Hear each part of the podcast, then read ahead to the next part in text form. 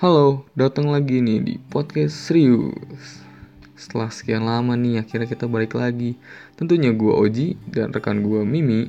Hai Mi, ini tuh episode pertama setelah podcast kita libur beberapa waktu ya. Bener banget sih, kita kembali lagi dengan membawakan tema yang berbeda dari biasanya. Dan kali ini kita akan ngebahas tentang hal-hal yang gak mungkin bisa orang tinggalin nih. Dan itu udah melekat banget di kehidupan kita sehari-hari. Nih ya, kalau nggak ada dia, lo bakalan boring. Mungkin bakal balik lagi ke zaman batu.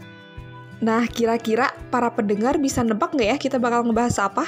Kalau gitu, langsung aja deh kita kasih tahu kalau kita bakal ngebahas tentang tata kelola internet yang ada di Indonesia tuh seperti apa sih?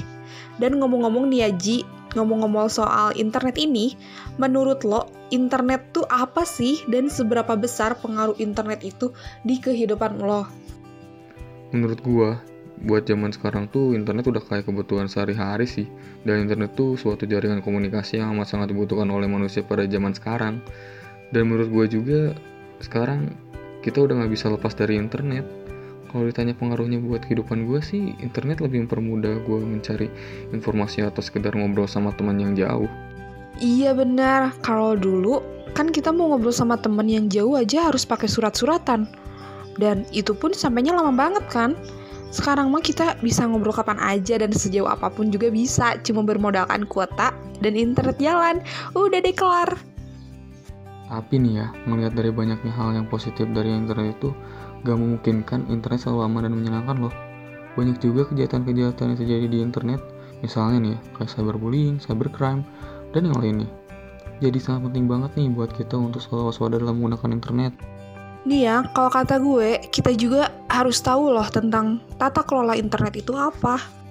Emang tata kelola internet itu apa sih, Mi? Nih ya, yang dikutip dari buku tentang tata kelola internet, pada awalnya ada berbagai macam perdebatan dan kontroversi mengenai istilah tata kelola internet ini, terutama pada awal World Summit on the Information Society atau bisa disebut juga dengan WSIS pada tahun 2002. Nah, pada akhirnya ada yang beranggapan bahwa tata kelola internet itu mirip dengan pemerintah. Ada pula yang menilai tata kelola internet ini mencakup berbagai lembaga, termasuk lembaga swadaya masyarakat. Lalu, persepsi terakhir ini kemudian diterimalah oleh komunitas internet karena menggambarkan bagaimana internet itu dikelola pada awalnya. Nah, dan pada akhirnya WSIS mendefinisikan tata kelola internet ini sebagai pembangunan dan penerapan prinsip-prinsip, norma-norma, aturan-aturan, prosedur-prosedur pembuatan keputusan, dan program-program yang membentuk evolusi dan penggunaan internet secara bersama-sama oleh pemerintah, swasta, dan masyarakat sipil dalam perannya masing-masing. Oh, jadi intinya tata kelola internet itu dibuat karena adanya kasus-kasus atau isu-isu yang ada dan penting banget buat diskusiin. Kayak tadi nih misalnya tentang cybercrime, terorisme, dan masih banyak lagi. Iya bener banget sih. Karena kalau nggak ada tata kelola internet, kejahatan itu bakal semakin merajalela dan nggak akan kekontrol. Buktinya sekarang aja nih ya, masih banyak banget kejahatan yang terjadi di internet. Berarti kalau kayak gini, kasus seperti memasukkan sosial media menipu itu termasuk asal mula dibentuknya tata kelola internet dong? Iya bener banget, dan nyusun tata kelola internet ini juga nggak sembarang asal bikin loh. Ada tantangan dan hambatannya juga. Apa aja sih Mi, kalau boleh tahu? Soalnya gue kurang paham tentang tata kelola internet ini nih. Berbagai instrumen regulasi regional dan internasional sebagai norma telah dikembangkan untuk mengatur internet, serta untuk menghadapi dan menyelesaikan penyalahgunaan internet. Banyak negara, termasuk Indonesia, telah membuat peraturan perundang-undangan untuk mengatur dan mengelola dunia cyber. Aturan-aturan tersebut memiliki keterbatasan, baik dari segi yuridiski maupun cakupan. Kalau dari sudut pandang lo, tata kelola internet ini di Indonesia udah berjalan baik atau belum sih, Mi?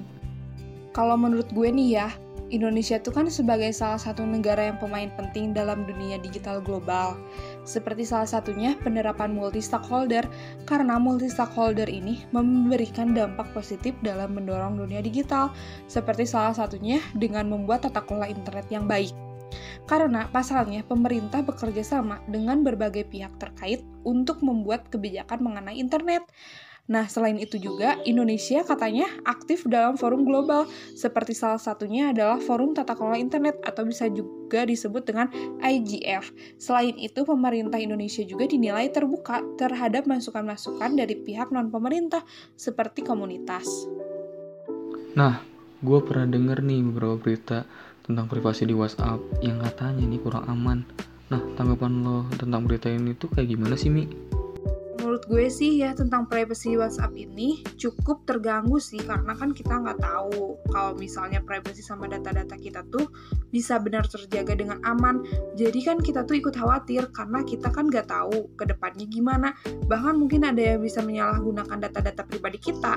Kita kan nggak tahu juga. Jadi menurut aku ini merasakan banget sih. Terus kan katanya dari pengguna WhatsApp juga bakal copot akun dari WhatsApp-nya dan pindah ke aplikasi lain seperti contohnya Telegram nih.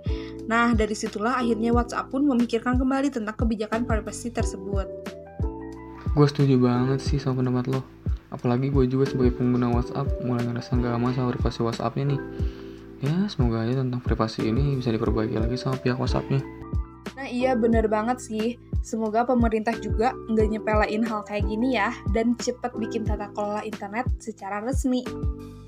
Oke okay guys, gak kerasa nih kita udah lumayan lama nemenin kalian. Nah, tadi tuh beberapa informasi yang udah kita bahas. Semoga bermanfaat dan membantu. Makasih ya yang udah dengerin podcast kita hari ini. Gue dan Mimi mohon pamit undur diri. See you guys di next episode podcast kita selanjutnya. Bye!